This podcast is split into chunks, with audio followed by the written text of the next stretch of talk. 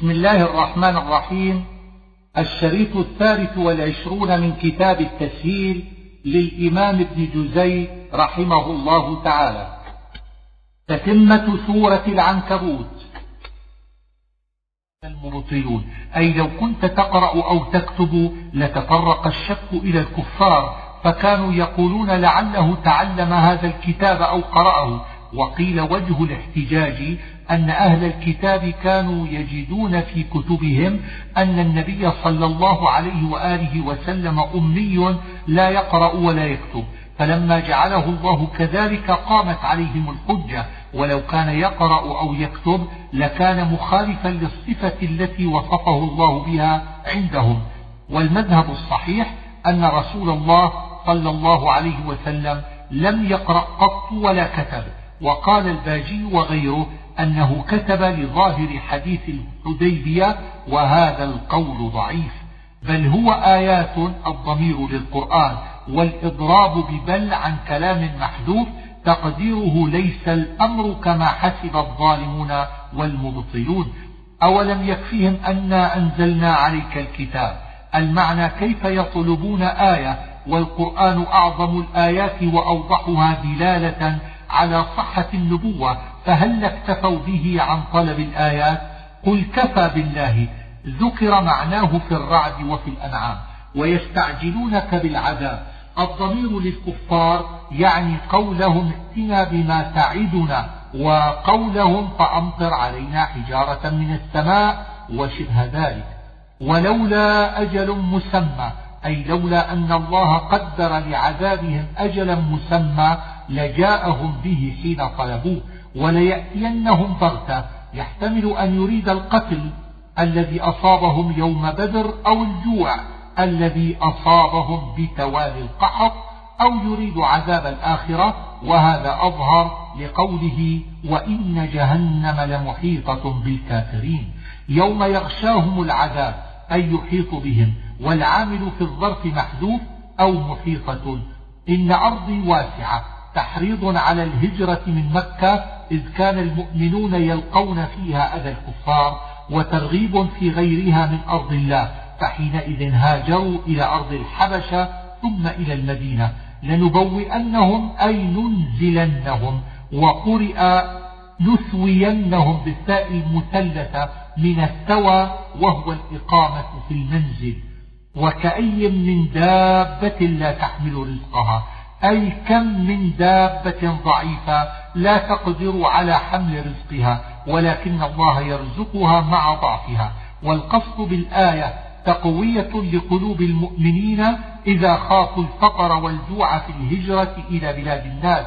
أي كما يرزق الله الحيوانات الضعيفة كذلك يرزقكم إذا هاجرتم من بلدكم. ولئن سألتهم في الموضعين إقامة حجة عليهم فأن يؤفكون أي كيف يصرفون عن الحق؟ قل الحمد لله حمدا لله على ظهور الحجة ويكون المعنى إلزامهم أن يحمدوا الله لما اعترفوا أنه خلق السماوات والأرض بل أكثرهم لا يعقلون. إضراب عن كلام محذوف تقديره يجب عليهم أن يعبدوا الله لما اعترفوا به ولكنهم لا يعقلون. لهي الحيوان أي الحياة الدائمة التي لا موت فيها ولفظ الحيوان مصدر كالحياة. فإذا ركبوا في الفلك الآية إقامة حجة عليهم بدعائهم حين الشدائد ثم يشركون به في حال الرخاء ليكفروا أمر على وجه التهديد أو على وجه الخذلان والتخلية. كما تقول لمن تنصحه فلا يقبل نصحك اعمل ما شئت. أولم يروا أنا جعلنا حرما آمنا؟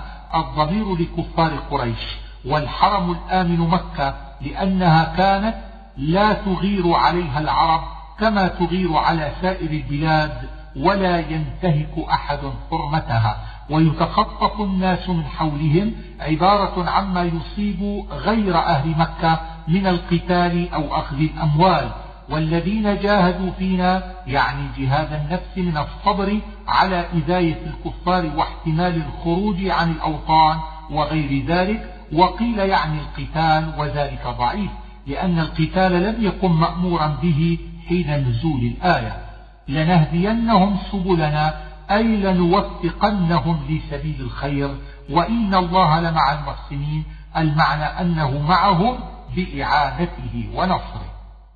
سورة الروم غلبت الروم أي هزم كسرى ملك الفرس جيش ملك الروم وسميت الروم باسم جدهم وهو روم بن عيصو ابن إسحاق بن إبراهيم. في أدنى الأرض قيل هي الجزيرة وقيل هي بين الشام والعراق وهي أدنى أرض الروم إلى فارس وقيل في أدنى أرض العرب منهم وهي أطراف الشام. وهم من بعد غلبهم سيغلبون.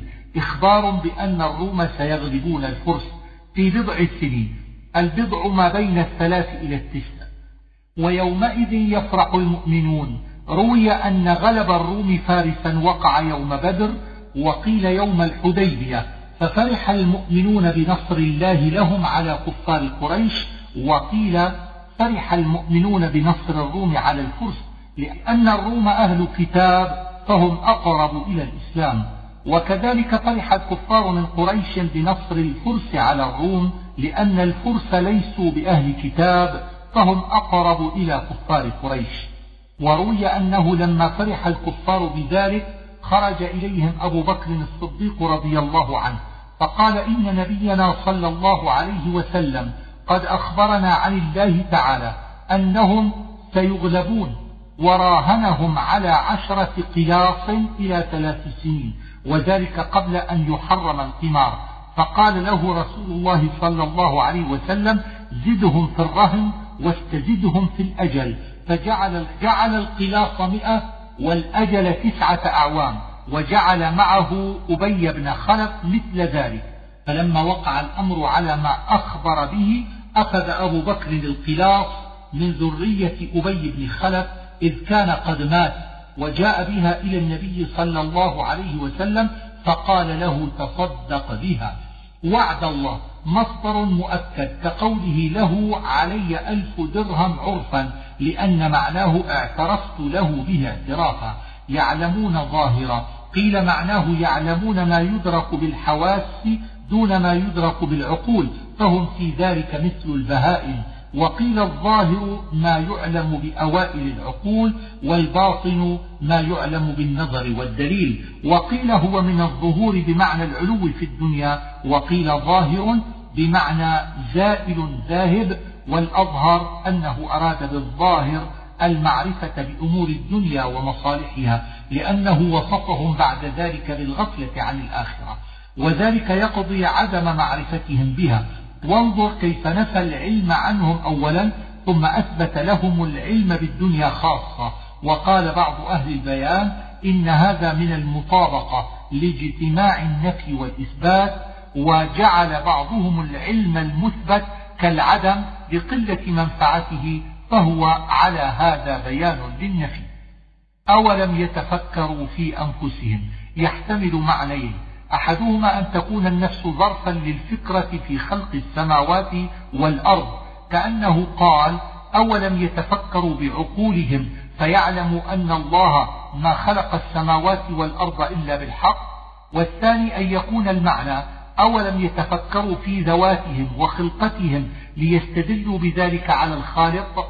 ويكون قوله ما خلق الآية استئناف كلام والمعنى الأول أظهر. وأثاروا الأرض أي حرثوها ثم كان عاقبة الذين أساءوا السوء معنى السوء هلاك الكفار ولفظ السوء تأنيث الأسوأ كما أن الحسنى تأنيث الأحسن. وقرئ عاقبة بالرفع على أنه اسم كان والسوء خبرها. وقرئ بنصب عاقبة على أنها خبر كان والسوء اسمها وأن كذبوا مفعول من أجله. ويحتمل أن تكون السوء مصدر أساء يبلس المجرمون الإبلاس السكون في شر مع اليأس من الخير يتفرقون. معناه في المنازل والجزاء. تحبرون تنعمون من الحبور وهو السرور والنعيم وقيل تكرمون. سبحان الله هذا تعليم للعباد. أي قولوا سبحان الله حين تمسون وحين تصبحون وعشيا وحين تظهرون أي حين تدخلون في وقت الظهيرة وهي وسط النهار وقوله وله الحمد في السماوات والأرض اعتراض بين المعطوفات وقيل أراد لذلك الصلوات الخمس فحين تمسون المغرب والعشاء وحين تصبحون الصبح وعشيا العصر وحين تظهرون الظهر. يخرج الحي ذكر في آل عمران ويحيي الأرض أي ينبت فيها النبات وكذلك تخرجون أي كما يخرج الله النبات من الأرض كذلك يخرجكم من الأرض للبعث يوم القيامة. تنتشرون أي تتصرفون في الدنيا من أنفسكم أزواجا أي صنفكم وجنسكم. قيل أراد خلقة حواء من ضلع آدم وخاطب الناس بذلك لأنهم ذرية آدم. مودة ورحمة قيل المودة الجماع والرحمة الولد والعموم أحسن وأبلغ. واختلاف ألسنتكم أي لغاتكم وألوانكم يعني البياض والسواد وقيل يعني أصنافكم والأول أظهر. خوفا وطمعا ذكر في الرعد. وأن تقوم السماء والأرض معناه تثبت أو يقوم تدبيرها. ثم إذا دعاكم دعوة من الأرض إذا أنتم تخرجون. إذا الأولى شرطية والثانية فجائية وهي جواب الأولى. والدعوة في هذه الآية قوله للموتى قوموا بالنفخة الثانية في الصور ومن الأرض يتعلق بقوله مخرجون أو بقوله دعاكم على أن تكون الغاية بالنظر إلى المدعو كقولك دعوتك من الجبل إذا كان المدعو في الجبل. قانتون ذكر في البقرة وهو أهون عليه أي الإعادة يوم القيامة أهون عليه من الخلقة الأولى وهذا تقريب لفهم السامع وتحقيق للبعث. فإن من صنع صنعة أول مرة كانت أسهل عليه ثاني مرة ولكن الأمور كلها متساوية عند الله فإن كل شيء على الله يسير. وله المثل, وله المثل الأعلى أي الوصف الأعلى الذي يصفه به أهل السماوات والأرض. هل لكم مما ملكت أيمانكم من شركاء؟ هذا هو المثل المضروب. معناه أنكم أيها الناس لا يشارككم عبيدكم في أموالكم ولا يستوون معكم في أحوالكم فكذلك الله تعالى لا يشارك عبيده في ملكه ولا يماثله أحد في ربوبيته فذكر حرف الاستفهام ومعناه التقرير على النفي ودخل في النفي قوله فأنتم فيه سواء تخافونهم كخيفتكم أنفسكم أي لستم في أموالكم سواء مع عبيدكم ولستم تخافونهم كما تخافون الأحرار مثلكم أن العبيد عندكم أقل وأذل من ذلك بل اتبع الذين ظلموا أهواءهم الإضراب ببل عما تضمنه معنى الآية المتقدمة كأنه يقول ليس لهم حجة في إشراكهم بالله بل اتبعوا في ذلك أهواءهم بغير علم فأقم وجهك للدين هو دين الإسلام. وإقامة الوجه في الموضعين من السورة عبارة عن الإقبال عليه والإخلاص فيه في قوله أقم والقيم ضرب من ضروب التجنيس. فطرة الله منصوب على المصدر كقوله صبغة الله أو مفعول بفعل مضمر تقديره إلزموا فطرة الله أو عليكم فطرة, فطرة الله ومعناه خلقة الله والمراد به دين الإسلام. لأن الله خلق الخلق عليه إذ هو الذي تقتضيه عقولهم السليمة وإنما كفر من كفر لعارض أخرجه عن أصل فطرته كما قال رسول الله صلى الله عليه وآله وسلم كل مولود يولد على الفطرة فأبواه يهودانه أو ينصرانه. لا تبديل لخلق الله يعني بخلق الله الفطرة التي خلق الناس عليها من الإيمان ومعنى أن الله لا يبدلها أي لا يخلق الناس على غيرها ولكن يبدلها شياطين الإنس والجن بعد الخلقة الأولى. أو يكون المعنى أن تلك الفطرة لا ينبغي للناس أن يبدلوها فالنفي على هذا حكم لا خبر. وقيل إنه على الخصوص في المؤمنين أي لا تبديل لفطرة الله في حق من قضى الله أنه يثبت على إيمانه. وقيل إنه نهي عن تبديل الخلقة كخصاء الفحول من الحيوان وقطع آذانها وشبه ذلك. منيبين إليه منصوب على الحال من قوله أقم وجهك لأن الخطاب للنبي صلى الله عليه وسلم والمراد هو وأمته ولذلك جمعهم في قوله منيبين وقيل هو حال من ضمير الفاعل المستتر في إلزموا فطرة الله وقيل هو حال من قوله فطر الناس وهذا بعيد. واتقوه وما بعده معطوف على أقم وجهك أو على العامل في فطرة الله وهو إلزم المضمر. من الذين فرقوا دينهم. المجرور بدل من المجرور قبله. ومعنى فرقوا دينهم جعلوه فرقا أي اختلفوا فيه. وقرئ فارقوا من المفارقة أي تركوه. والمراد بالمشركين هنا أصناف الكفار. وقيل هم المسلمون الذين تفرقوا فرقا مختلفة. وفي لفظ المشركين هنا تجوز بعيد. ولعل قائل هذا القول إنما قاله في قول الله في الأنعام إن الذين فرقوا دينهم فإنه ليس هناك ذكر المشركين. وإذا مس الناس ضر الآية إنحاء على المشركين لأنهم يدعون الله في الشدائد ويشركون به في الرخاء ليكفروا ذكر في النحل. أم أنزلنا عليهم سلطانا؟ أم هنا منقطعة بمعنى بل والسلطان الحجة وكلامه مجاز كما تقول نطق بكذا والمعنى ليس لهم حجة تشهد بصدق شركهم. وإذا أذقنا الناس رحمة إنحاء على من يفرح ويبطر إذا أصابه الخير ويقنط إذا أصابه الشر. انظر كيف قال هنا إذا وقال في الشر إن تصبهم سيئة لأن إذا للقطع بوقوع الشر بخلاف إن فإنها للشك في وقوعه ففي ذلك إشارة إلى أن الخير الذي يصيب به عباده أكثر من الشر بما قدمت أيديهم. المعنى أن ما يصيب الناس من المصائب فإنه بسبب ذنوبهم. فآت ذا القربى حقه يعني صلة رحم القرابة بالإحسان والمودة ولو بالكلام الطيب.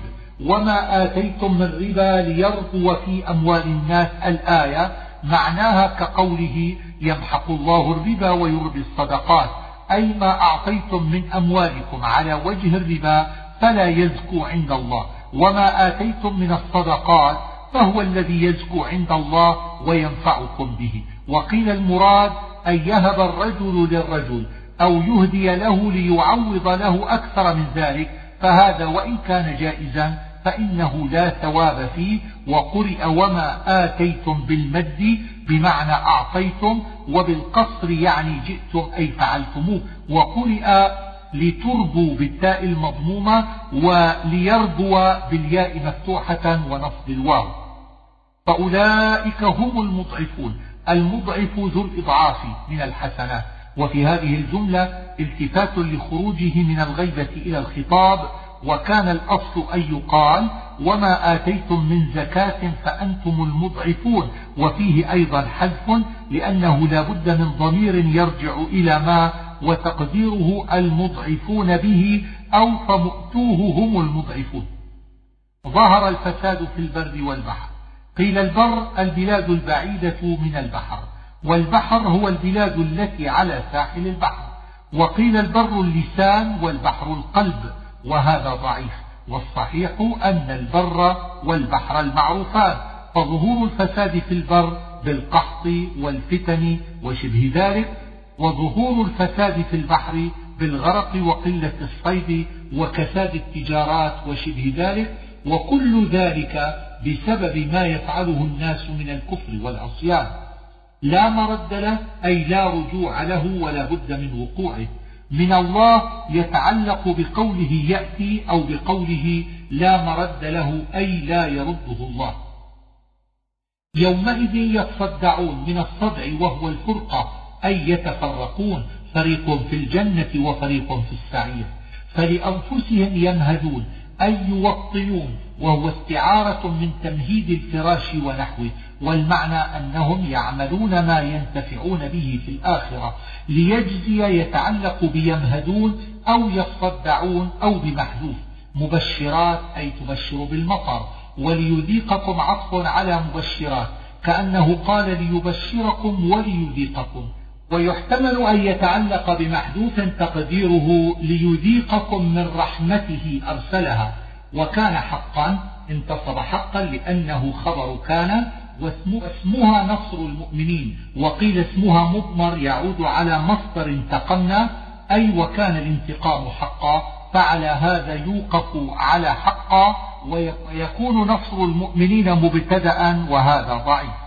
تثير سحابا أي تحركها وتنشرها كسفا أي قطعا وقرئ بإسكان السين وهما بناءان للجمع.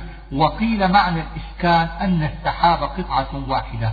الودق هو المطر.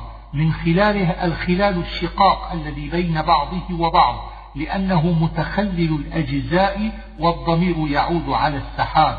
من قبله كرر للتأكيد وليفيد سرعة قلوب الناس من القنوط إلى الاستبشار. لمبلسين أي قانطين كقوله ينزل الغيث من بعد ما قنطوا فرآه مصفرا الضمير للنبات الذي ينبته الله بالمطر.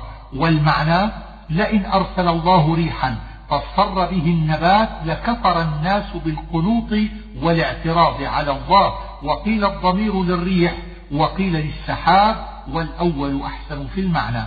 فإنك لا تسمع الموت الآية استعارة في عدم سماع الكفار للمواعظ والبراهين فشبه الكفار بالموتى في عدم إحساسهم. خلقكم من ضعف الضعف الأول كون الإنسان من ماء مهين وكونه ضعيف في حالة الطفولية والضعف الثاني الأخير الهرم. وقرئ بفتح الضاد وضمها وهما لغتان. ما لبثوا غير ساعة.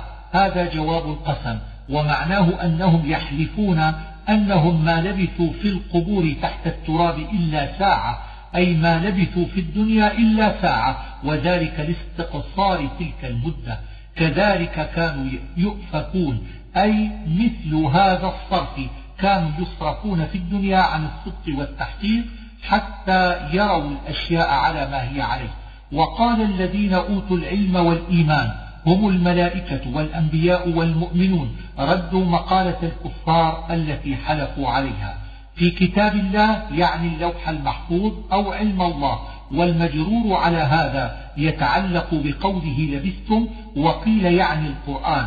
فعلى هذا يتعلق هذا المجرور بقوله أوتوا العلم وفي الكلام تقديم وتأخير وتقديره على هذا قال, قال الذين أوتوا العلم في كتاب الله أي العلماء بكتاب الله وقولهم لقد لبثتم خطاب للكفار وقولهم فهذا يوم البعث تقرير, له تقرير لهم وهو في المعنى جواب لشرط مقدر تقديره إن كنتم تنكرون البعث فهذا يوم البعث ولا هم يستعتبون من العتبى بمعنى الرضا أي ولا يرضون وليست استفعل هنا للطلب إن وعد الله حق يعني ما وعد من النصر على الكفار. ولا يستخفنك من الخفة أي لا تضطرب لكلامهم.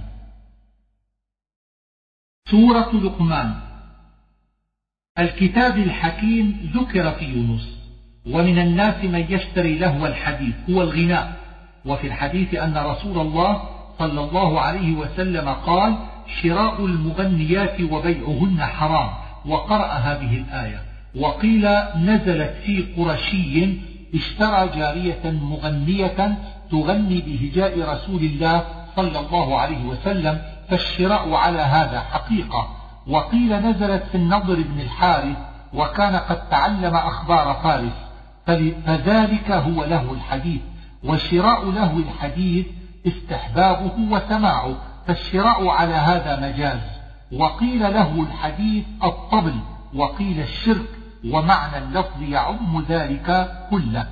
وظاهر الآية أنه لهو مضاف إلى الكفر بالدين واستخفاف لقوله تعالى ليضل عن سبيل الله الآن ولو أن المراد شخص معين لوصفه بعد ذلك بجملة أوصاف بغير عمد ترونها ذكر في الرعد أن تميد بكم أي لئلا تميد بكم. لقمان لقمان رجل ينطق بالحكمة واختلف هل هو نبي أم لا.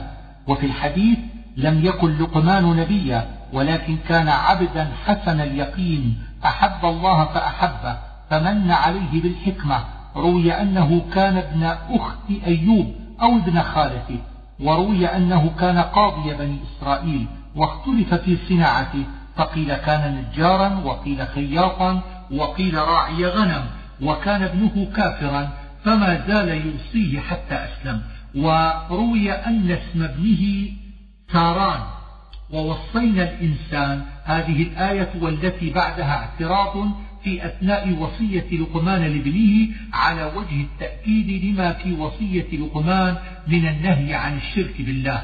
ونزلت الآية في سعد بن أبي وقاص وأمه حسب ما ذكرنا في العنكبوت.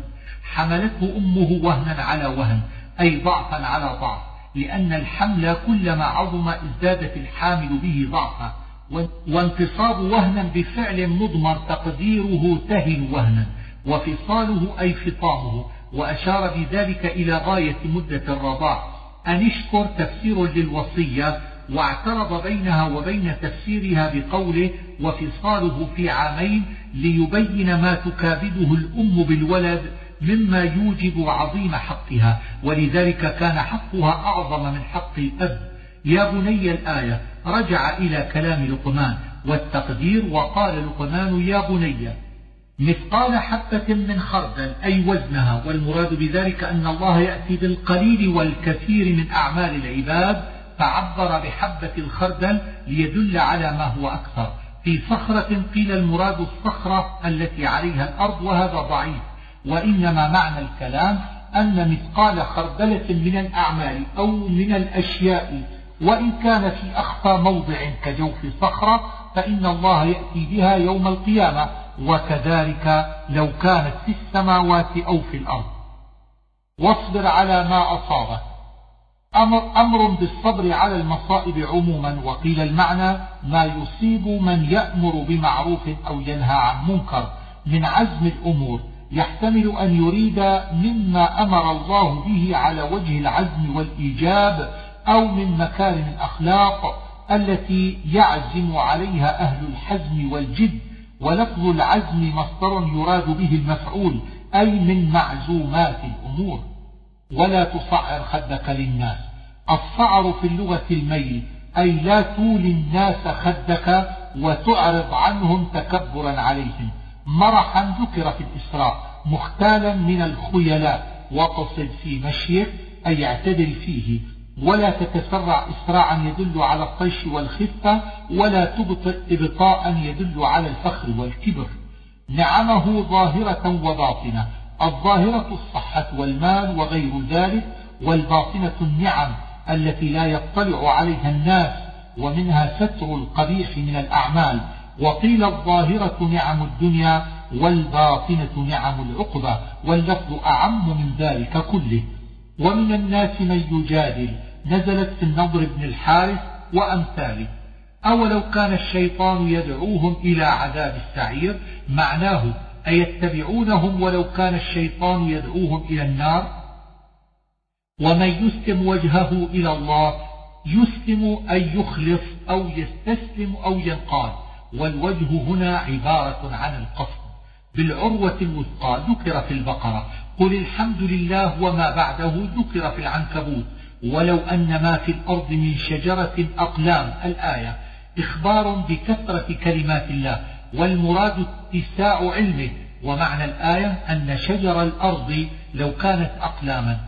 والبحر لو كان مدادا يصب فيه سبعة أبحر صبا دائما وكتبت بذلك كلمات الله لنفدت الأشجار والبحار ولم تنفد كلمات الله لأن الأشجار والبحار متناهية وكلمات الله غير متناهية. فإن قيل لم لم يقل والبحر مدادا كما قال في الكهف قل لو كان البحر مدادا الجواب أنه أغنى عن ذلك قوله يمده لأنه من قولك مد الذوات وأمدها.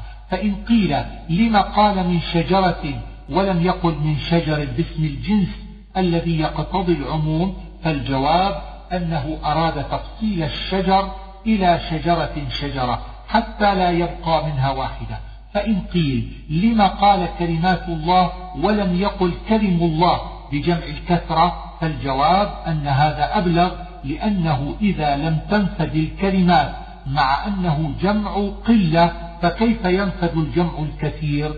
وروي أن سبب الآية أن اليهود قالوا قد أوتينا التوراة وفيها العلم كله فنزلت الآية لتدل على أن ما عندهم قليل من كثير والآية على هذا مدنية وقيل إن سببها أن قريشا قالوا إن القرآن سينفذ ما خلقكم ولا بعثكم إلا كنفس واحدة. بيان لقدرة الله على بعث الناس ورد على من استبعد ذلك. يولد الليل في النهار أي يدخل كل منهما في الآخر بما يزيد في أحدهما وينقص من الآخر أو بإدخال ظلمة الليل على ضوء النهار وإدخال ضوء النهار على ظلمة الليل إلى أجل مسمى يعني يوم القيامة. ذلك بأن الله يحتمل أن تكون الباء السببية أو يكون المعنى ذلك بأن الله شاهد هو الحق. بنعمة الله يحتمل أن يريد بذلك ما تحمله السفن من الطعام والتجارات والباء للإلصاق أو للمصاحبة. أو يريد الريح فتكون الباء سببية. صبار شكور مبالغة في صابر وشاكر. كالظلل جمع ظلة وهو ما يعلوك من فوق. شبه الموج بذلك إذا ارتفع وعظم حتى على فوق الإنسان. فمنهم مقتصد المقتصد المتوسط في الأمر. فيحتمل أن يريد كافرا متوسطا في كفره لم يسرف فيه أو مؤمنا متوسطا في إيمانه لأن الإخلاص الذي عليه في البحر كان يزول عنه. وقيل معنى مقتصد مؤمن ثبت في البر على ما عاهد الله عليه في البحر. ختار أي غدار شديد الغدر وذلك أنه جحد نعمة الله غدرا. لا يجزي والد عن ولده. أي لا يقضي عنه شيئا والمعنى أنه لا ينفعه ولا يدفع عنه مضرة ولا مولود أي ولد.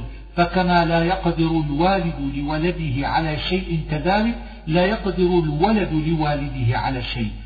الغرور الشيطان وقيل الأمل والتسويف علم الساعة أي متى تكون. فإن ذلك ممن فرد الله بعلمه ولذلك جاء في الحديث مفاتح الغيب خمس وتلا هذه الآية. ماذا تكسب غدا؟ يعني من خير أو شر أو مال أو ولد أو غير ذلك. سورة السجدة. تنزيل الكتاب يعني القرآن. لا ريب فيه أي لا شك أنه من عند الله عز وجل. ونفي الريب على اعتقاد أهل الحق وعلى ما هو الأمر في نفسه لا على اعتقاد أهل الباطل. من رب العالمين يتعلق بتنزيل. أم يقولون الضمير لقريش وأم بمعنى بل والهمزة. لتنذر يتعلق بما قبله أو بمحذوف. ما أتاهم من نذير يعني من الفترة من زمن عيسى. وقد جاء الرسل قبل ذلك إبراهيم وغيره. ولما طالت الفترة على هؤلاء أرسل الله رسولا ينذرهم ليقيم الحجة عليهم. استوى على العرش قد ذكر في الأعراف. ما لكم من دونه من ولي ولا شفيع. نفي الشفاعة على وجهين. أحدهما الشفاعة للكفار وهي معدومة على الإطلاق. والآخر أن الشفاعة للمؤمنين لا تكون إلا بإذن الله كقوله ما من شفيع إلا من بعد إذنه يدبر الأمر أي واحد الأمور وقيل المأمور به من الطاعات والأول أصح من السماء إلى الأرض أي ينزل ما دبره وقضاه من السماء إلى الأرض ثم يعرج إليه في يوم كان مقداره ألف سنة مما تعدون. قال ابن, قال ابن عباس المعنى ينفذ الله ما قضاه من السماء إلى الأرض ثم يعرض إليه خبر ذلك. في يوم من أيام الدنيا مقداره لو سير أو لو سير فيه السير المعروف من البشر ألف سنة لأن ما بين السماء والأرض خمسمائة عام. فالألف ما بين نزول الأرض وعروجه إلى السماء. وقيل إن الله يلقي إلى الملائكة أمور ألف سنة من أعوام البشر وهو يوم من أيام الله. فإذا فرغت ألقى الله إليهم مثلها. فالمعنى أن الأمور تنفذ عنده لهذه المدة ثم تصير إليه آخرا لأن عاقبة الأمور إليه. فالعروض على هذا عبارة عن مصير الأمور إليه. عالم الغيب والشهادة. الغيب ما غاب عن المخلوقين والشهادة ما شاهدوه. أحسن كل شيء خلقه أي أتقن جميع المخلوقات وقرئ بإسكان اللام على البدل وبدأ خلق الإنسان من طين يعني آدم عليه السلام. نسله يعني ذريته. من سلالة من ماء مهين يعني المني والسلالة مشتقة من سل يسل فكأن الماء يسل من الإنسان والمهين الضعيف. ثم سواه أي قومه. ونفخ فيه من روحه عبارة عن إيجاد الحياة فيه. وأضيفت الروح إلى الله إضافة ملك إلى ملك. وقد يراد بها الاختصاص لأن الروح لا يعلم كنهه إلا الله. أإذا ضللنا في الأرض أي تلفنا وصرنا ترابا. ومعنى هذا الكلام المحكي عن الكفار استبعاد البعث. والعامل في إذا معنى قولهم إنا لفي خلق جديد تقديره نبعث يتوفاكم ملك الموت اسمه عزرائيل وتحت يده ملائكة ولو ترى يحتمل أن تكون لو للتمني وتأويله في حق الله تعالى كتأويل الترجي وقد ذكر أو تكون للامتناع وجوابها محذوف تقديره ولو ترى حال المجرمين في الآخرة لرأيت أمرا مهولا. ناكس رؤوسهم عبارة عن الذل والغم والندم. ربنا أبصرنا وسمعنا. تقديره يقولون ربنا قد علمنا الحقائق.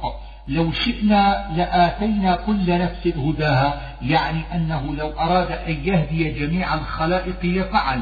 فإنه قادر على ذلك بأن يجعل الإيمان في قلوبهم ويدفع عنهم الشيطان والشهوات ولكن يضل من يشاء ويهدي من يشاء. فذوقوا بما نسيتم أي يقال لهم ذوقوا والنسيان هنا بمعنى الترك.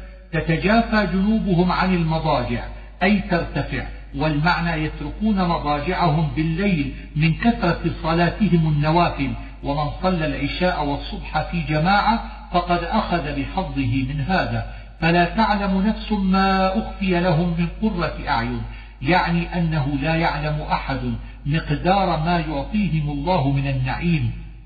وقرئ أخفي بإسكان الياء على أن يكون فعل, فعل المتكلم وهو الله تعالى. أفمن كان مؤمنا الآية يعني المؤمنين والفاسقين على العموم. وقيل يعني علي بن أبي طالب وعقبة بن أبي معيط. فذوقوا عذاب النار الذي كنتم به تكذبون الذي نعت للعذاب ولذلك أعاد عليه الضمير المذكور في قوله به فإن قيل لما وصف هنا العذاب وأعاد عليه الضمير ووصف في سبأ النار وأعاد عليها الضمير وقال عذاب النار الذي كنتم به تكذبون فالجواب من ثلاثة أوجه. الأول أنه خص العذاب في السجدة بالوصف اعتناء به لما تكرر ذكره في قوله ولنذيقنهم من العذاب الأدنى دون العذاب الأكبر. والثاني أنه قدم في السجدة ذكر النار فكان الأصل أن يذكرها بعد ذلك بلفظ الضمير لكنه جعل الظاهر مكان المضمر فكما لا يوصف المضمر لم يوصف ما قام مقامه وهو النار. ووصف العذاب ولم يصف النار. الثالث وهو الأقوى أنه امتنع في السجدة وصف النار فوصف العذاب وإنما امتنع وصف وصفها لتقدم ذكرها. فإنك إذا ذكرت شيئا ثم كررت ذكره لم يجوز وصفه. كقولك رأيت رجلا فأكرمت الرجل فلا يجوز وصفه لئلا يفهم أنه غيره ولنذيقنهم من العذاب الأدنى. يعني, يعني الجوع ومصائب الدنيا. وقيل القتل يوم بدر. وقيل عذاب القبر وهذا بعيد لقوله لعلهم يرجعون. إنا من المجرمين منتقمون. هذا وعيد لمن ذكر بآيات ربه فأعرض عنها. وكان الأصل أن يقول إنا منه منتقمون. ولكنه وضع المجرمين موضع المضمر ليصفهم بالإجرام. وقدم المجرور على منتقمون للمبالغة. فلا تكن في مرية من لقائه المرية الشك والضمير لموسى أي لا تمتر في لقائك موسى ليلة الإسراء. وقيل المعنى لا تشك في لقاء موسى والكتاب الذي أنزل عليه والكتاب على هذا التوراة. وقيل الكتاب هنا جنس والمعنى لقد آتينا موسى الكتاب فلا تشك أنت في لقائك الكتاب الذي أنزل عليك وعبر باللقاء عن إنزال الكتاب كقوله وإنك لتلقى القرآن. يفصل بينهم الضمير لجميع الخلق وقيل لبني إسرائيل خاصة. أولم يهد لهم ذكر في طه يمشون في مساكنهم الضمير في يمشون لأهل مكة أي يمشون في مساكن القوم المهلكين كقوله وقد تبين لكم من مساكنهم وقيل الضمير للمهلكين أي أهلكناهم وهم يمشون في مساكنهم. والأول أحسن لأن فيه حجة على أهل مكة. الأرض الجرز يعني التي لا نبات فيها من شدة العطش. متى هذا الفتح؟ أي الحكم بين المسلمين والكفار في الآخرة وقيل يعني فتح مكة. وهذا بعيد لقوله قل يوم الفتح لا ينفع الذين كفروا إيمانهم. وذلك في الآخرة. وقيل يعني فتح مكة لأن من آمن يوم فتح مكة نفعه إيمانه. فأعرض عنهم منسوخ بالسيف وانتظر إنهم منتظرون أي انتظر هلاكهم إنهم ينتظرون هلاكك وفي هذا تهديد لهم. سورة الأحزاب يا أيها النبي نداء فيه تكريم له. لأنه ناداه بالنبوة ونادى سائر الأنبياء بأسمائهم اتق الله أي دم على التقوى وزد منها. ولا تطع الكافرين والمنافقين أي لا تقبل أقوالهم وإن أظهروا أنها نصيحة. ويعني بالكافرين المظهرين للكفر وبالمنافقين الذين يظهرون الإسلام ويخفون الكفر. وروي أن الكافرين هنا أبي بن خلف والمنافقين هنا عبد الله بن أبي بن سلول والعموم أظهر. ما جعل الله لرجل من قلبين في جوفه. قال ابن عباس كان في قريش رجل يقال له ذو القلبين لشدة فهمه فنزلت الآية نفيا لذلك ويقال إنه ابن أخطأ. وقيل جميل بن معمر وقيل إنما جاء هذا اللفظ توطئة لما بعده من النفي أي كما لم يجعل الله لرجل من قلبين في جوفه كذلك لم يجعل أزواجكم أمهاتكم ولا أدعياءكم أبناءكم. اللائي تظاهرون منهن أي تقولون للزوجة أنت علي كظهر أمي وكانت العرب تطلق هذا اللفظ بمعنى التحريم ويأتي حكمه في المجادلة. وإنما تعدى هذا الفعل بمن؟ لأنه يتضمن معنى يتباعدون منهن. وما جعل أدعياءكم أبناءكم. الأدعياء جمع دعي وهو الذي يدعى ولد فلان وليس بولده وسببها أمر زيد بن حارثة. وذلك أنه كان فتى من كلب فسباه بعض العرب وباعه من خديجة فوهبته للنبي صلى الله عليه وسلم فتبناه. فكان يقال له زيد بن محمد حتى أنزلت هذه الآية. ذلكم قولكم. الإشارة إلى نسبة الداعي إلى غير أبيه أو إلى كل ما تقدم من المنفيات. وقوله بأفواهكم تأكيد لبطلان القول. ادعوهم لآبائهم. الضمير للأدعياء أي انسبوهم لآبائهم الذين ولدوهم. النبي أولى بالمؤمنين من أنفسهم. يقتضي أن يحبوه صلى الله تعالى عليه وآله وسلم أكثر مما يحبون أنفسهم وأن ينصروا دينه أكثر مما ينصرون أنفسهم. وأزواجه أمهاتهم. جعل الله تعالى لأزواج النبي صلى الله تعالى عليه وعلى آله وسلم حرمة الأمهات في تحريم نكاحهن ووجوب مبرتهن ولكن أوجب حجبهن عن الرجال. وأولو الأرحام بعضهم أولى ببعض. هذا هذا نسخ لما كان في صدر الإسلام من التوارث بأخوة الإسلام وبالهجرة وقد تكلمنا عليها في الأنفال. في كتاب الله يحتمل أن يريد القرآن أو اللوح المحفوظ. من المؤمنين يحتمل أن يكون بيانا لأولي الأرحام أو يتعلق بأولى أي أولو الأرحام أولى بالميراث من المؤمنين الذين ليسوا بذوي الأرحام إلا أن تفعلوا إلى أوليائكم معروفا. يريد الإحسان إلى الأولياء الذين ليسوا بقرابة و ونفعهم في الحياة والوصية لهم عند الموت فذلك جائز ومندوب إليه وإن لم يكونوا قرابة. وأما الميراث فللقرابة خاصة واختلف هل يعني بالأولياء المؤمنين خاصة أو المؤمنين والكافرين. في الكتاب مسطورة يعني القرآن أو اللوح المحفوظ. وإذ أخذنا من النبيين ميثاقهم هو الميثاق بتبليغ الرسالة والقيام بالشرائع. وقيل هو الميثاق الذي أخذه حين أخرج بني آدم من صلب, من صلب آدم كالذر والأول أرجح لأنه هو المختص بالأنبياء. ومنك ومن نوح قد دخل هؤلاء في جملة النبيين ولكنه خصهم بالذكر تشريفا لهم.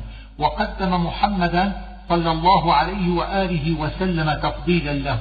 ميثاقا غليظا يعني الميثاق المذكور وإنما كرره تأكيدا. وليصفه بأنه غليظ أي وثيق ثابت يجب الوفاء به. ليسأل الصادقين اللام تحتمل أن تكون لام كي أو لام الصيرورة والصدق هنا يحتمل أن يكون الصدق في الأقوال أو الصدق في الأفعال والعزائم. ويحتمل أن يريد بالصادقين الأنبياء وغيرهم من المؤمنين. اذكروا نعمة الله عليكم إذ جاءتكم جنود. هذه الآية وما بعدها نزلت في قصة غزوة الخندق والجنود المذكورة هم قريش ومن كان معهم من الكفار وسماهم الله في هذه السورة الأحزاب. وكانوا نحو عشرة آلاف حاصروا المدينة وحفر رسول الله صلى الله عليه وآله وسلم الخندق حولها ليمنعهم من دخولها. فأرسلنا عليهم ريحا أرسل الله عليهم ريح الصبا فأطفأت نيرانهم وأكفأت قدورهم ولم يمكنهم معها قرار فانصرفوا خائبين وجنودا لم تروها يعني الملائكة إذ جاءوكم من فوقكم ومن أسفل منكم أي حصروا المدينة من أعلاها ومن أسفلها وقيل معنى من فوقكم أهل نجد لأن أرضهم فوق المدينة ومن أسفل منكم أهل مكة وسائر تهامة وإذ زاغت الأبصار أي مالت عن مواضعها وذلك عبارة عن شدة الخوف وبلغت القلوب الحناجر جمع حنجرة وهي الحلق وبلوغ القلب إليها مجاز وهو عبارة عن شدة الخوف. وقيل بل هي حقيقة لأن الرئة تنتفخ من شدة الخوف فتربو ويرتفع القلب بارتفاعها إلى الحنجرة. وتظنون بالله الظنون أي تظنون أن الكفار يغلبونكم وقد وعدكم الله بالنصر عليهم. فأما المنافقون فظنوا ظن السوء وصرحوا به. وأما المؤمنون فربما خطرت لبعضهم خطرة مما لا يمكن البشر دفعها. ثم استبصروا ووثقوا بوعد الله. وقرأ نافع الظنون والرسول والسبيل بالألف في الوصل وفي الوقف وقرئ بإسقاطها في الوصل والوقف وبإثباتها في الوقف دون الوصل. فأما إسقاطها فهو الأصل وأما إثباتها فلتعديل رؤوس الآي لأنها كالقوافي وتقتضي هذه العلة أن تثبت في الوقف خاصة. وأما من أثبتها في الحالين فإنه أجرى الوصل مجرى الوقف. هنالك ابتلي المؤمنون أي اختبروا أو أصابهم بلاء. والعامل في الظرف ابتلى وقيل ما قبله. وزلزلوا أصل الزلزلة شدة التحريك وهو هنا عبارة عن اضطراب القلوب. وإذ يقول المنافقون روي أنه معتب بن قشير وإذ قالت طائفة قال السهيلي الطائفة تقع على الواحد فما فوقه والمراد هنا أوس بن قبطي يا أهل يثرب لا مقام لكم فارجعوا يثرب اسم المدينة. وقيل اسم البقعة التي المدينة في طرف منها. ومقام اسم موضع من القيام أي لا قرار لكم هنا يعنون موضع القتال وقرئ بالضم وهو اسم موضع من الإقامة. وقولهم فارجعوا أي إلى منازلكم بالمدينة ودعوا القتال. ويستأذن فريق منهم النبي أي يستأذنونه في الانصراف. والمستأذن أوس بن قبط وعشيرته وقيل بنو حارثة إن بيوتنا عورة أي منكشفة للعدو. وقيل خالية للسراق فكذبهم الله في ذلك.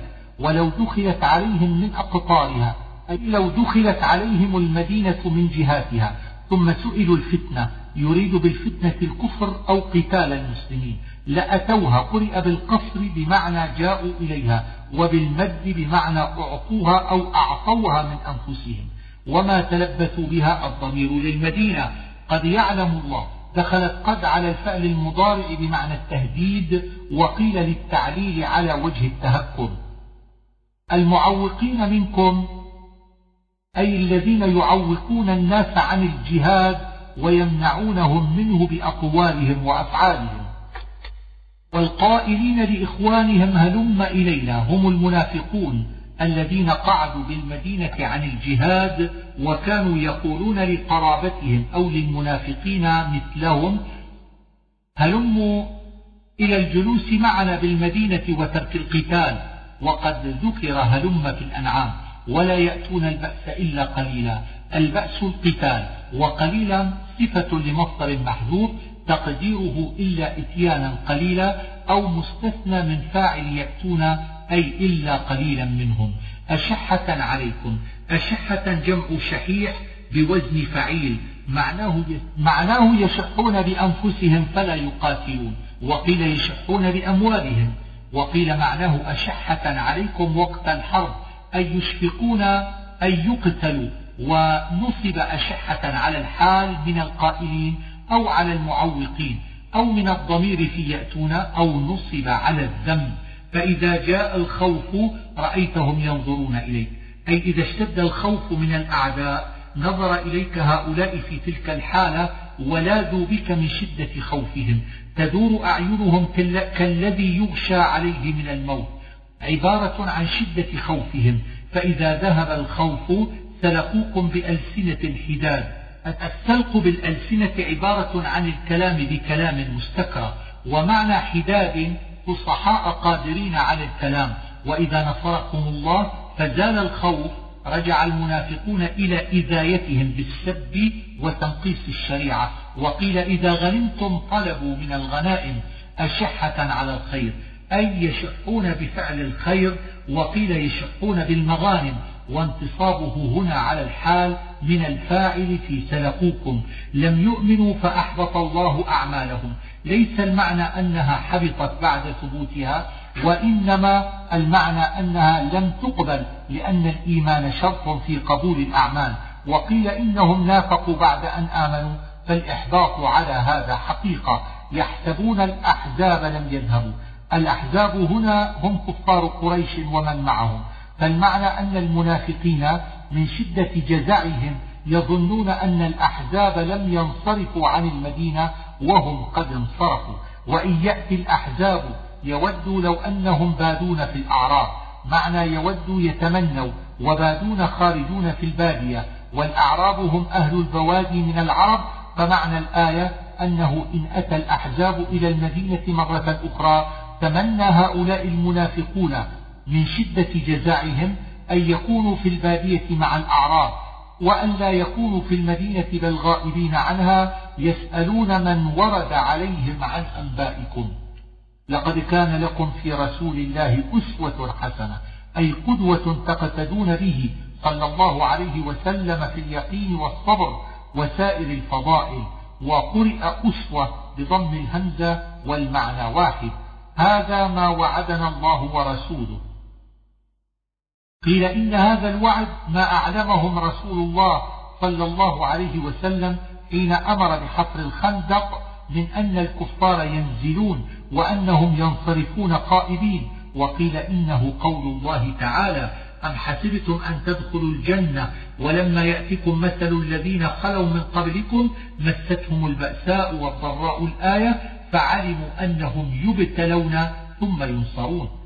فمنهم من قضى نحبه. يعني قتل شهيدا. قال أنس بن مالك يعني عمي أنس بن النضر وقيل يعني حمزة بن عبد المطلب وقضاء النحب عبارة عن الموت عند ابن عباس وغيره. وقيل قضى نحبه وفى العهد الذي عاهد الله عليه. ويدل عليه هذا ويدل على هذا ما ورد أن رسول الله صلى الله عليه وآله وسلم قال طلحة ممن قضى نحبه وهو لم يقتل حينئذ. ومنهم من ينتظر المفعول محذوف أي ينتظر أن يقضي نحبه أو ينتظر الشهادة في سبيل الله على قول ابن عباس أو ينتظر الحصول في أعلى مراتب الإيمان والصلاح على القول الآخر. وأنزل الذين ظاهروهم من أهل الكتاب من صياصيهم الصياصي هي الحصون ونزلت الآية في يهود بني قريظة وذلك أنهم كانوا معاهدين لرسول الله صلى الله عليه وسلم. فقضوا فنقضوا عهده وصاروا مع قريش. فلما انصرفت قريش عن المدينة حصر رسول الله بني قريظة. حتى نزلوا على حكم سعد بن معاذ فحكم بأن يقتل رجالهم ويسبى نساؤهم وذريتهم. فريقا تقتلون يعني الرجال. وقتل منهم يومئذ كل من أنبت. وكانوا بين ثمانمائة أو تسعمائة.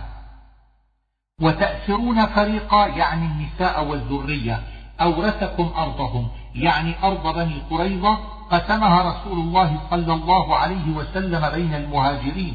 وأرضا لم تطئوها. هذا وعد بفتح أرض لم يكن المسلمون قد وطئوها حينئذ وهي مكة واليمن والشام والعراق ومصر. فأورث الله المسلمين جميع ذلك وما وراءها إلى أقصى المشرق والمغرب. ويحتمل عندي أن يريد أرض بني قريظة لأنه قال أورثكم بالفعل الماضي وهي التي كانوا أخذوها حينئذ. وأما غيرها من الأراضين فإنما أخذها بعد ذلك.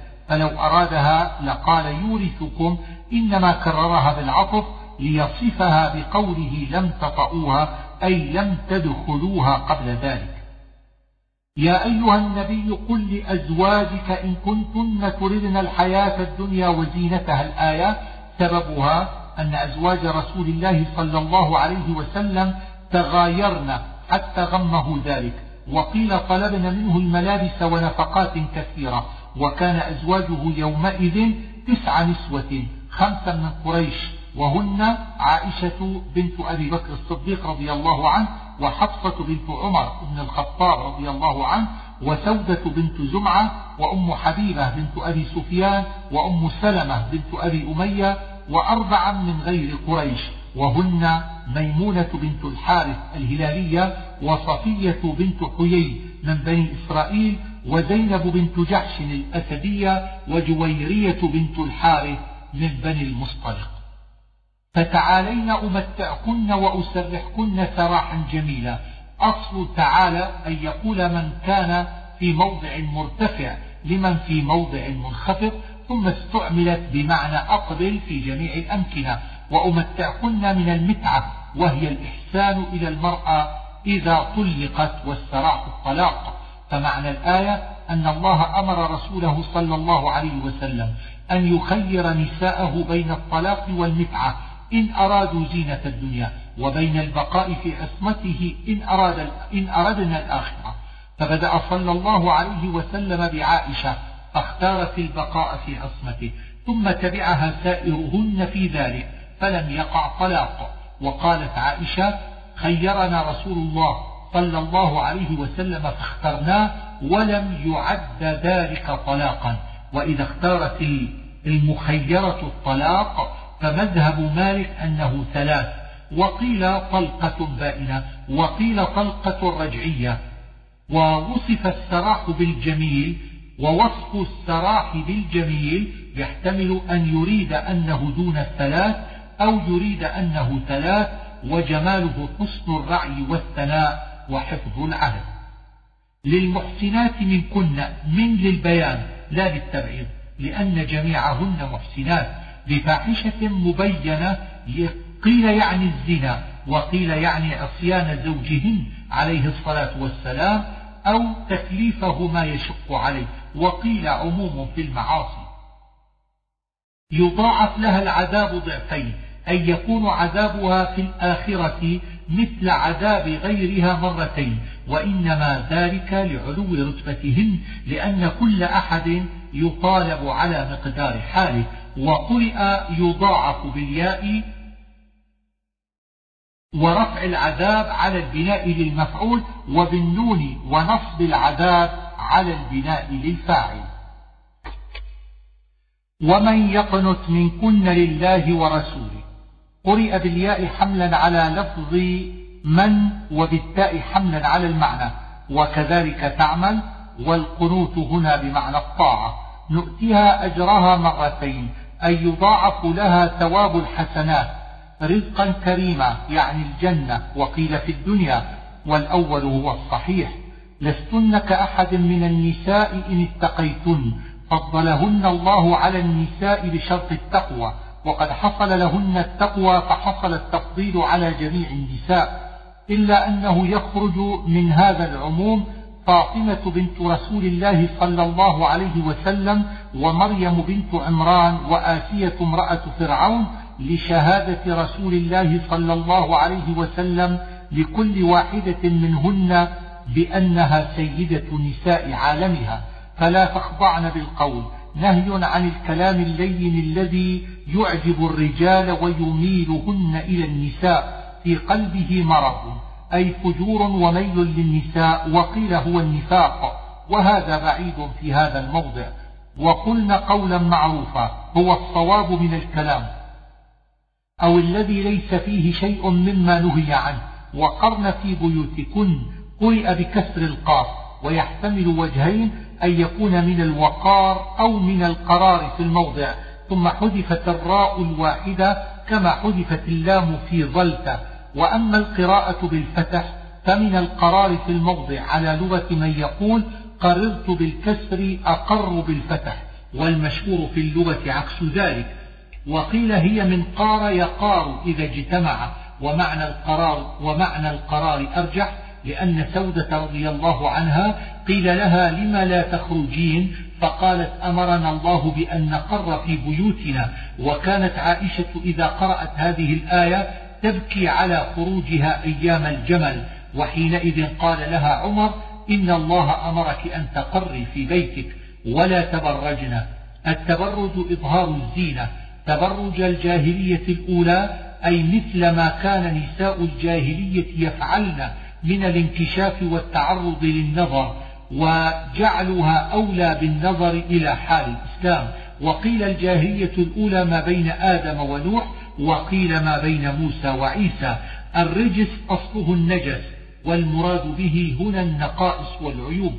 أهل البيت منادى أو منصوب على التخصيص وأهل بيت النبي صلى الله عليه وسلم هم أزواجه وذريته وأقاربه.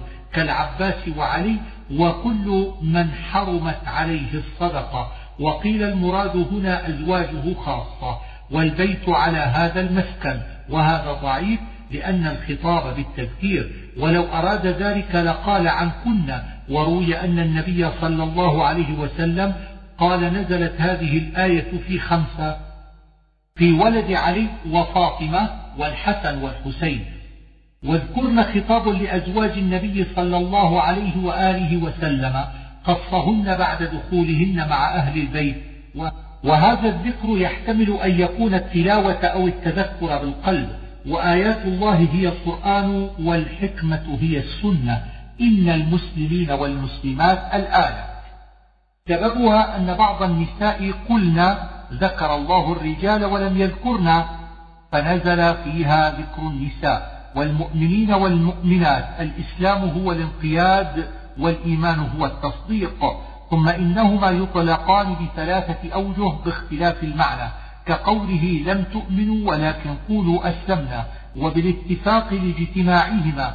كقوله فأخرجنا من كان فيها من المؤمنين الآية. وبالعموم فيكون الإسلام أعم لأنه بالقلب والجوارح والإيمان أخص لأنه بالقلب خاصة وهذا هو الأظهر في هذا الموضع. والقانتين والقانتات يحتمل أن يكون بمعنى العبادة أو الطاعة والصادقين والصادقات يحتمل أن يكون من صدق القول أو من صدق العزم. وما كان لمؤمن الآية معناها أنه ليس لمؤمن ولا مؤمنة اختيار مع الله ورسوله بل يجب عليهم التسليم والانقياد لأمر الله ورسوله والضمير في قوله من أمرهم راجع إلى الجمع الذي يقتضيه قوله لمؤمن ولا مؤمنة لأن معناه العموم في جميع المؤمنين والمؤمنات. وهذه الآية للقصة المذكورة بعدها وقيل سببها أن رسول الله صلى الله عليه وآله وسلم خطب امرأة ليزوجها لمولاه زيد بن حارثة فكرهت هي وأهلها ذلك. فلما نزلت الآية قالوا رضينا يا رسول الله واختلف هل هذه المخطوبة زينب بنت جحش أو غيرها؟ وقد قيل إنها أم كلثوم بنت عقبة بن أبي معيط. وإذ تقول للذي أنعم الله عليه وأنعمت عليه هو زيد بن حارثة الكلبي وإنعام الله عليه بالإسلام وغيره وإنعام النبي صلى الله عليه وسلم بالعتق وكانت عند زيد زينب بنت جحش وهي بنت أميمة عمة النبي صلى الله عليه وسلم فشكى زيد إلى رسول الله صلى الله عليه وسلم سوء معاشرتها وتعاظمها عليه وأراد أن يطلقها فقال له رسول الله صلى الله عليه وسلم أمسك عليك زوجك واتق الله يعني فيما وصفها به من سوء المعاشرة. واتق الله ولا تطلقها. فيكون نهيا عن الطلاق على, على وجه التنزيه. كما قال عليه الصلاة والسلام أبغض, أبغض المباح إلى الله الطلاق. وتخفي في نفسك ما الله مبدي الذي أخفاه رسول الله صلى الله عليه وسلم أمر جائز مباح لا إثم فيه ولا عتب. ولكنه خاف أن يسلط الله عليهم ألسنتهم وينال منه فأخفاه حياء وحشمة وصيانة لعرضه وذلك أنه روي أن النبي صلى الله عليه وسلم كان حريصا على أن يطلق زيد زينب ليتزوجها هو صلى الله عليه وسلم لقرابتها منه ولحسبها. فقال أمسك عليك زوجك وهو يخفي الحرص عليها. خوفا من كلام الناس لئلا يقولوا تزوج امرأة ابنه إذ كان قد تبناه. فالذي أخفاه صلى الله عليه وسلم هو إرادة تزوجها فأبدى الله ذلك بأن قضى له بتزوجها. فقالت عائشة لو كان رسول الله صلى الله عليه وسلم كاتما شيئا من الوحي لكتم هذه الآية لشدتها عليه. وقيل إن الله كان أوحى إلى رسول الله صلى الله عليه وسلم أن يتزوج زينب بعد طلاق زيد فالذي أخفاه رسول الله صلى الله عليه وسلم ما أعلمه الله به من ذلك. فلما قضى زيد منها وطرا زوجناكها. لم يذكر أحد من الصحابة في القرآن باسمه غير زيد بن حارثة والوطر الحاجة قال ابن عطية ويراد به هنا الجماع. والأحسن أن يكون أعم من ذلك أي لما لم يبق لزيد فيها حاجة زوجها الله من نبيه صلى الله تعالى عليه وعلى آله وسلم وأسند الله تزويجها إليه تشريفا لها. ولذلك كانت زينب تفتخر على نساء النبي صلى الله عليه وسلم وتقول إن الله زوجني نبيه من فوق سبع سماوات واستدل بعضهم بقوله زوجناكها على أن الأولى أن يقال في كتاب الصداق أنكحه إياها بتقديم ضمير الزوج على ضمير الزوجة كما في الآية. لكي لا يكون على المؤمنين حرج في, في أزواج أدعيائهم. المعنى أن الله زوج زينب امرأة زيد من رسول الله صلى الله عليه وسلم ليعلم المؤمنين أن تزوج نساء أدعيائهم حلال لهم فإن الأدعياء ليسوا لهم بأبناء حقيقة ما كان على النبي من حرج فيما فرض الله له. المعنى؟ أن تزوج النبي صلى الله عليه وسلم لزينب بعد زيد حلال لا حرج فيه ولا إثم ولا عتاب. وفي ذلك رد على من تكلم في ذلك من المنافقين وفرض هنا بمعنى قسم له. سنة الله في الذين خلوا من قبل أي عادة الله في الأنبياء المتقدمين أن ينالوا ما أحل الله لهم. وقيل الإشارة بذلك إلى داود في تزوجه للمرأة التي جرى له فيها ما جرى والعموم أحسن ونصب سنة على المصدر أو على إضمار فعل أو على الإغراء. الذين يبلغون رسالات الله صفة للذين خلوا من قبل وهم الأنبياء أو رفع على إضمار مبتدأ أو نصب بإضمار فعل. ما كان محمد أبا أحد من رجالكم هذا رد على من قال في زيد بن حارثة زيد بن محمد فاعترض على النبي صلى الله عليه وسلم تزوج امرأة زيد. وعموم النفي في الآية لا يعارضه وجود الحسن والحسين.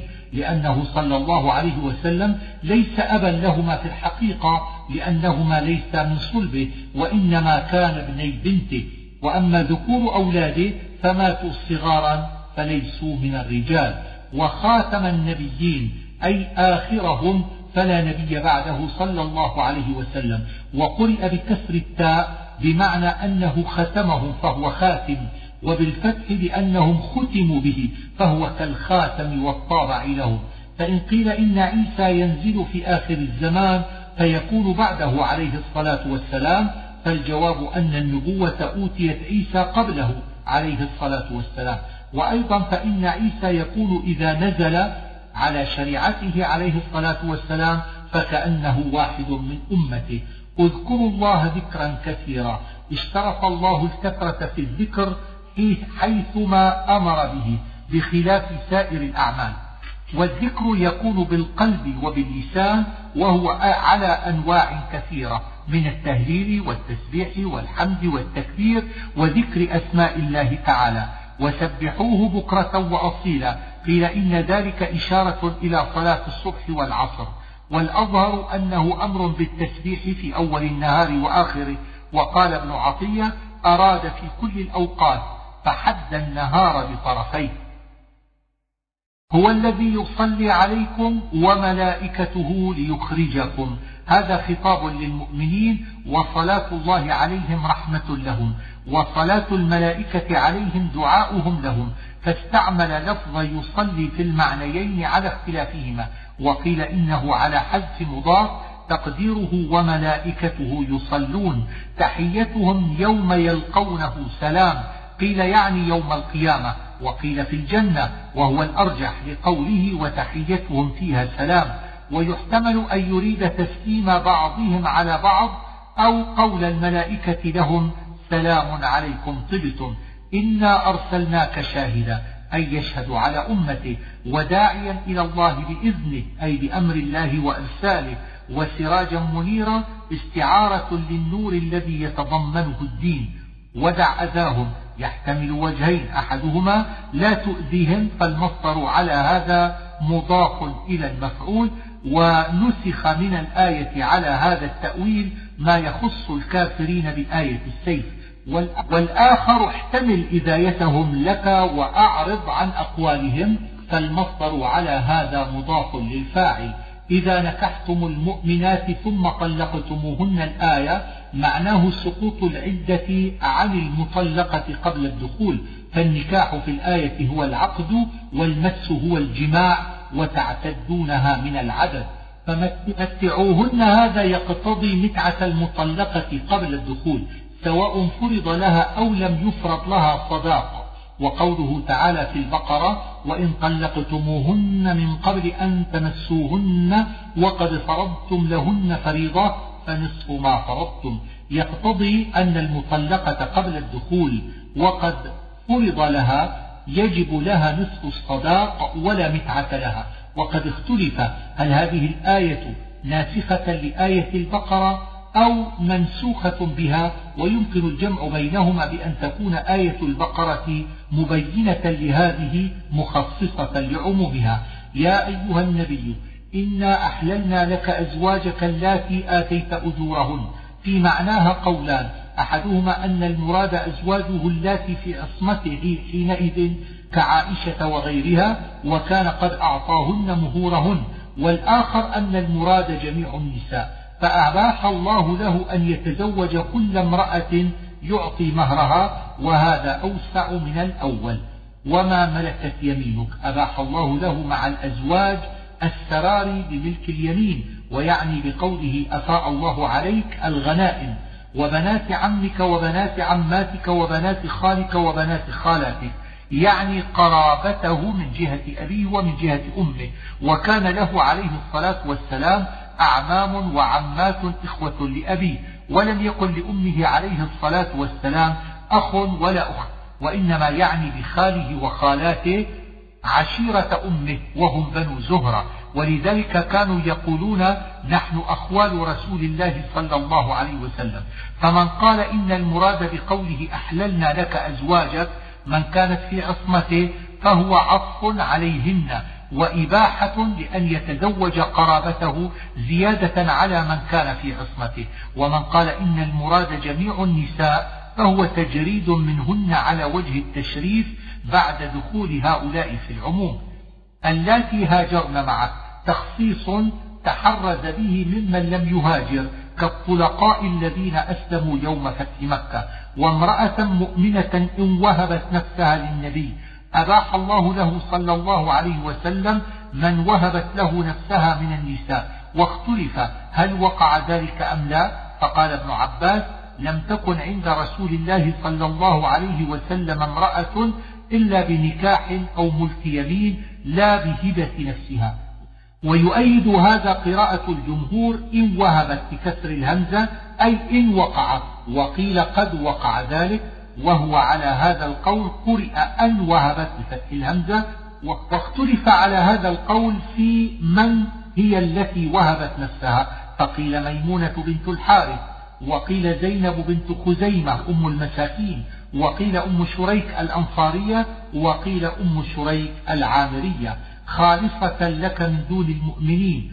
أي هبة المرأة نفسها مزية خاصة بالنبي صلى الله عليه وآله وسلم دون غيره. وانظر كيف رجع من الغيبة إلى الخطاب ليخص المخاطب وحده. وقيل إن خالصة يرجع إلى كل ما تقدم من النساء المباحات له صلى الله عليه وسلم لأن سائر المؤمنين قصروا على أربع نسوة وأبيح له عليه الصلاة والسلام أكثر من ذلك. ومذهب مالك أن النكاح بلفظ الهبة لا ينعقد بخلاف أبي حنيفة وإعراب خالصة مصدر أو حال أو صفة لامرأة. قد علمنا ما فرضنا عليهم في أزواجهم يعني أحكام النكاح من الصداق والولي والاقتصار على أربع وغير ذلك لكي لا يكون عليك حرج. يتعلق بالآية التي قبله أي بينا أحكام النكاح لئلا يكون عليك حرج أو لئلا يظن بك أنك فعلت ما لا يجوز. وقال الزمخشري يتعلق بقوله خالصة لك ترجي من تشاء منهن وتؤوي إليك من تشاء. معنى ترجي تؤخر وتبعد. ومعنى تؤوي تضم وتقرب واختلف في المراد بهذا الإرجاء والإيواء فقيل إن ذلك في القسمة بينهن أي تكثر لمن شئت وتقلل لمن شئت وقيل إنه في الطلاق أي تمسك من شئت وتطلق من شئت وقيل معناه تتزوج من شئت وتترك من شئت والمعنى على كل قول توسعة على النبي صلى الله عليه وسلم وإباحة له أن يفعل ما يشاء. وقد اتفق الناقلون على أنه صلى الله عليه وسلم كان يعدل في القسمة بين نسائه أخذا منه بأفضل الأخلاق مع إباحة الله له. والضمير في قوله منهن يعود على أزواجه صلى الله عليه وآله وسلم خاصة أو على كل ما أحل الله له على حسب الخلاف المتقدم. ومن ابتغيت ممن عزلت فلا جناح عليك. في معناه قولان أحدهما من كنت عزلته من نسائك فلا جناح عليك في رده بعد عزله والآخر من ابتغيت ومن عزلت سواء في إباحة ذلك. فمن للتبعيض على القول الأول. وأما على القول الثاني فنحو قولك من لقيك ومن لم يلقك سواء ذلك أدنى أن تقر أعينهن أي إذا علمنا أن هذا حكم الله قرت به أعينهن ورضين به وزال ما كان بهن من الغيرة فإن سبب نزول هذه الآية ما وقع لأزواج النبي صلى الله عليه وسلم من غيرة بعضهن على بعض. لا يحل لك النساء من بعد فيه قولان أحدهما لا يحل لك النساء غير اللاتي في عصمتك الآن ولا تزيد عليهن. قال ابن عباس لما خيرهن رسول الله صلى الله عليه وسلم فاخترن الله ورسوله جازاهن الله على ذلك بأن حرم غيرهن من النساء كرامة لهن. والقول الثاني لا يحل لك النساء غير الأصناف التي سميت. والخلاف هنا يجري على الخلاف في المراد بقوله إنا أحللنا لك أزواجك أي لا يحل لك غير من ذكر حسب ما تقدم. وقيل معنى لا يحل لك النساء لا يحل لك اليهوديات والنصرانيات من بعد المسلمات المذكورات وهذا بعيد. واختلف في حكم هذه الآية فقيل إنها منسوخة بقوله إنا أحللنا لك أزواجك على القول بأن المراد جميع النساء. وقيل إن هذه الآية ناسخة لتلك على القول بأن المراد من كان في عصمته وهذا هو الأظهر لما ذكرنا عن ابن عباس ولأن التسعة في حقه عليه الصلاة والسلام كالأربع في حق أمته. ولا أن تبدل بهن من أزواج معناه لا يحل لك أن تطلق واحدة منهن وتتزوج غيرها بدلا منها. وقيل معناه ما كانت العرب تفعله من المبادلة في النساء بأن ينزل الرجل عن زوجته لرجل وينزل الآخر عن زوجته له وهذا ضعيف. ولو أعجبك حسنهن. في هذا دليل على جواز النظر إلى المرأة إذا أراد الرجل أن يتزوجها إلا ما ملكت يمينه المعنى أن الله أباح له الإماء والاستثناء في موضع رفع على البدل من النساء أو في موضع نصب على الاستثناء من الضمير في حسنهن. لا تدخلوا بيوت النبي إلا أن يؤذن لكم إلى طعام. سبب هذه الآية ما رواه أنس أن رسول الله صلى الله عليه وسلم لما تزوج زينب بنت جحش أولم عليها فدعا الناس. فلما طعموا قعد نفر في طائفة من البيت فثقل ذلك على النبي صلى الله عليه وسلم فخرج ليخرج بخروجه ومر على حجر نسائه ثم عاد فوجدهم في مكانهم فانصرف فخرجوا عند ذلك. وقال ابن عباس نزلت في قوم كانوا يتحينون طعام النبي صلى الله عليه وسلم فيدخلون عليه قبل الطعام فيقعدون إلى أن يطبخ ثم يأكلون ولا يخرجون. فأمروا أن لا يدخلوا حتى يؤذن لهم وأن ينصرفوا إذا أكلوا. قلت والقول الأول أشهر وقول ابن, وقول ابن عباس أليق بما في الآية من النهي عن الدخول حتى يؤذن لهم. فعلى قول ابن عباس في النهي عن الدخول حتى يؤذن لهم والقول الأول في النهي عن القعود بعد الأكل فإن الآية تضمنت الحكمين غير ناظرين إناه أي غير منتظرين لوقت الطعام والإن الوقت وقيل إن الطعام نضجه وإدراكه يقال أنا يأني إناء. ولكن إذا دعيتم فادخلوا. أمر بالدخول بعد الدعوة وفي ذلك تأكيد للنهي عن الدخول قبلها.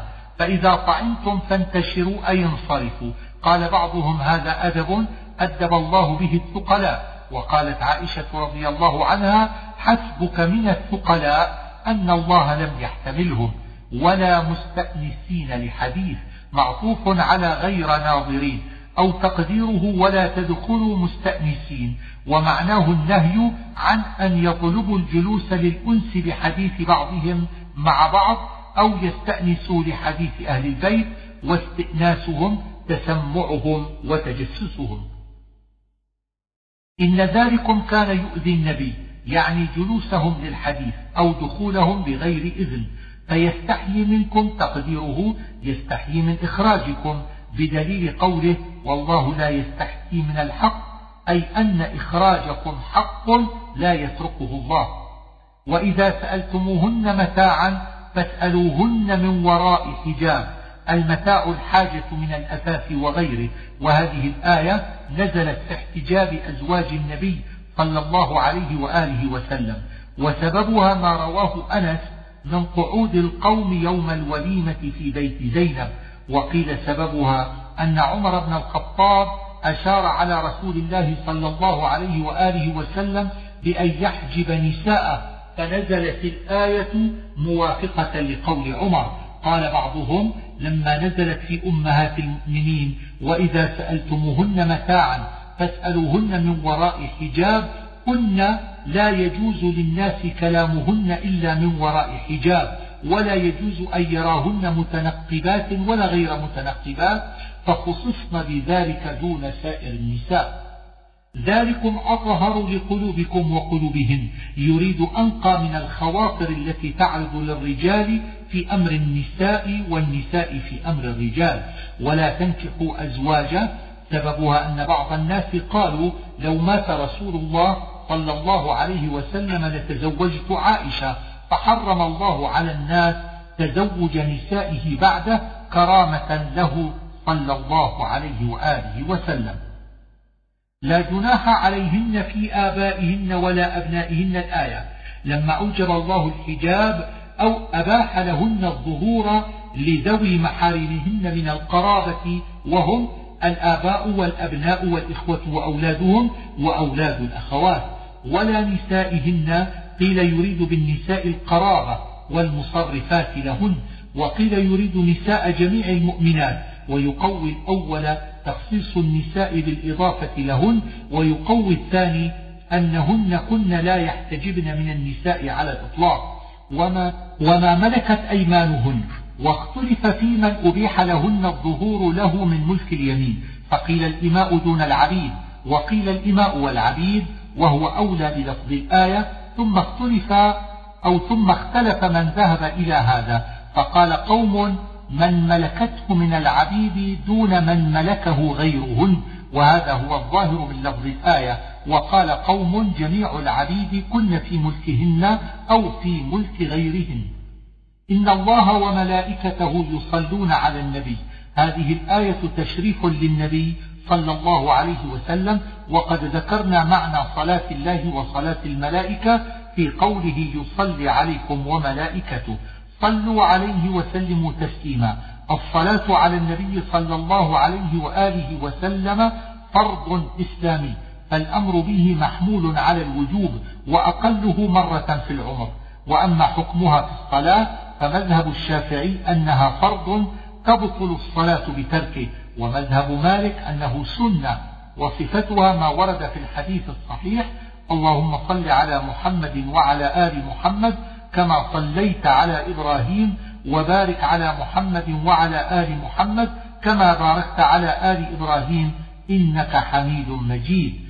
وقد اختلفت الروايات في ذلك اختلافا كثيرا. أما السلام على النبي صلى الله عليه وسلم فيحتمل أن يريد السلام عليه في التشهد في الصلاة أو السلام عليه حين لقائه. وأما السلام عليه بعد موته فقد قال صلى الله عليه وسلم من سلم علي قريبا سمعته ومن سلم علي بعيدا أبلغته فإن الله حرم على الأرض أن تأكل أجساد الأنبياء. إن الذين يؤذون الله ورسوله إذاية الله هي بالإشراك به ونسبة الصاحبة والولد له وليس معنى إذايته أنه يضره الأذى لأنه تعالى لا يضره شيء ولا ينفعه شيء. وقيل إنها على حذف مضاف تقديره يؤذون أولياء الله والأول أرجح لأنه ورد في الحديث يقول الله تعالى يشتمني ابن آدم وليس له أن يشتمني ويكذبني وليس له أن يكذبني وأما شتمه إياي فقوله إن لي صاحبة وولدا وأما تكذيبه إياي فقوله لا يعيدني كما بدأني. وأما إذاية رسول الله صلى الله عليه وسلم فهي التعرض له بما يكره من الأقوال أو الأفعال. وقال ابن عباس نزلت في الذين طعنوا عليه حين أخذ صفية بنت حيي. والذين يؤذون المؤمنين والمؤمنات بغير ما اكتسبوا الآية في البهتان وهو ذكر الإنسان بما ليس فيه. وهو أشد من الغيبة مع أن الغيبة محرمة وهي ذكره ما فيه مما يكره. يا أيها النبي قل لأزواجك وبناتك ونساء المؤمنين يدنين عليهن من جلابيبهن كان نساء العرب يكشفن وجوههن كما تفعل الإماء وكان ذلك داعيا إلى نظر الرجال لهن فأمرهن الله بإدناء الجلابيب ليسترن بذلك وجوههن ويفهم الفرق بين الحرائر والإماء. والجلابيب جمع جلباب وهو ثوب أكبر من الخمار وقيل هو الرداء وصورة إدنائه عند ابن عباس أن تلويه على وجهها حتى لا يظهر منها إلا عين واحدة تبصر بها. وقيل أن تلويه حتى لا يظهر إلا عيناها. وقيل أن تغطي نصف وجهها. ذلك أدنى أن يعرفن فلا يؤذين. أي ذلك أقرب إلى أن يعرف الحرائر من الإماء. فإذا عرف أن المرأة حرة لم تعارض بما تعارض به الأمة. وليس المعنى أن تعرف المرأة حتى يعلم من هي. إنما المراد أن يفرق بينها وبين الأمة لأنه كان بالمدينة إماء يعرفن بالسوء وربما تعرض لهن السفهاء. لئن لم ينتهي المنافقون الآية تضمنت وعيد هؤلاء الأصناف إن لم ينتهوا وقيل إنهم لم ينتهوا ولم ينفذ الوعيد عليهم ففي ذلك دليل على بطلان القول بوجوب إنفاذ الوعيد في الآخرة وقيل إنهم انتهوا وستروا أمرهم فكف عنهم أو فكف عنهم إنفاذ الوعيد. والمنافقون هم الذين يظهرون الإيمان ويخفون الكفر. والذين في قلوبهم مرض قوم كان فيهم ضعف إيمان وقلة ثبات عليه وقيل هم الزنا كقوله فيطمع الذي في قلبه مرض. والمرجفون في المدينة قوم كانوا يشيعون أخبار السوء ويخوفون المسلمين فيحتمل أن تكون هذه الأصناف متفرقة أو تكون داخلة في جملة المنافقين ثم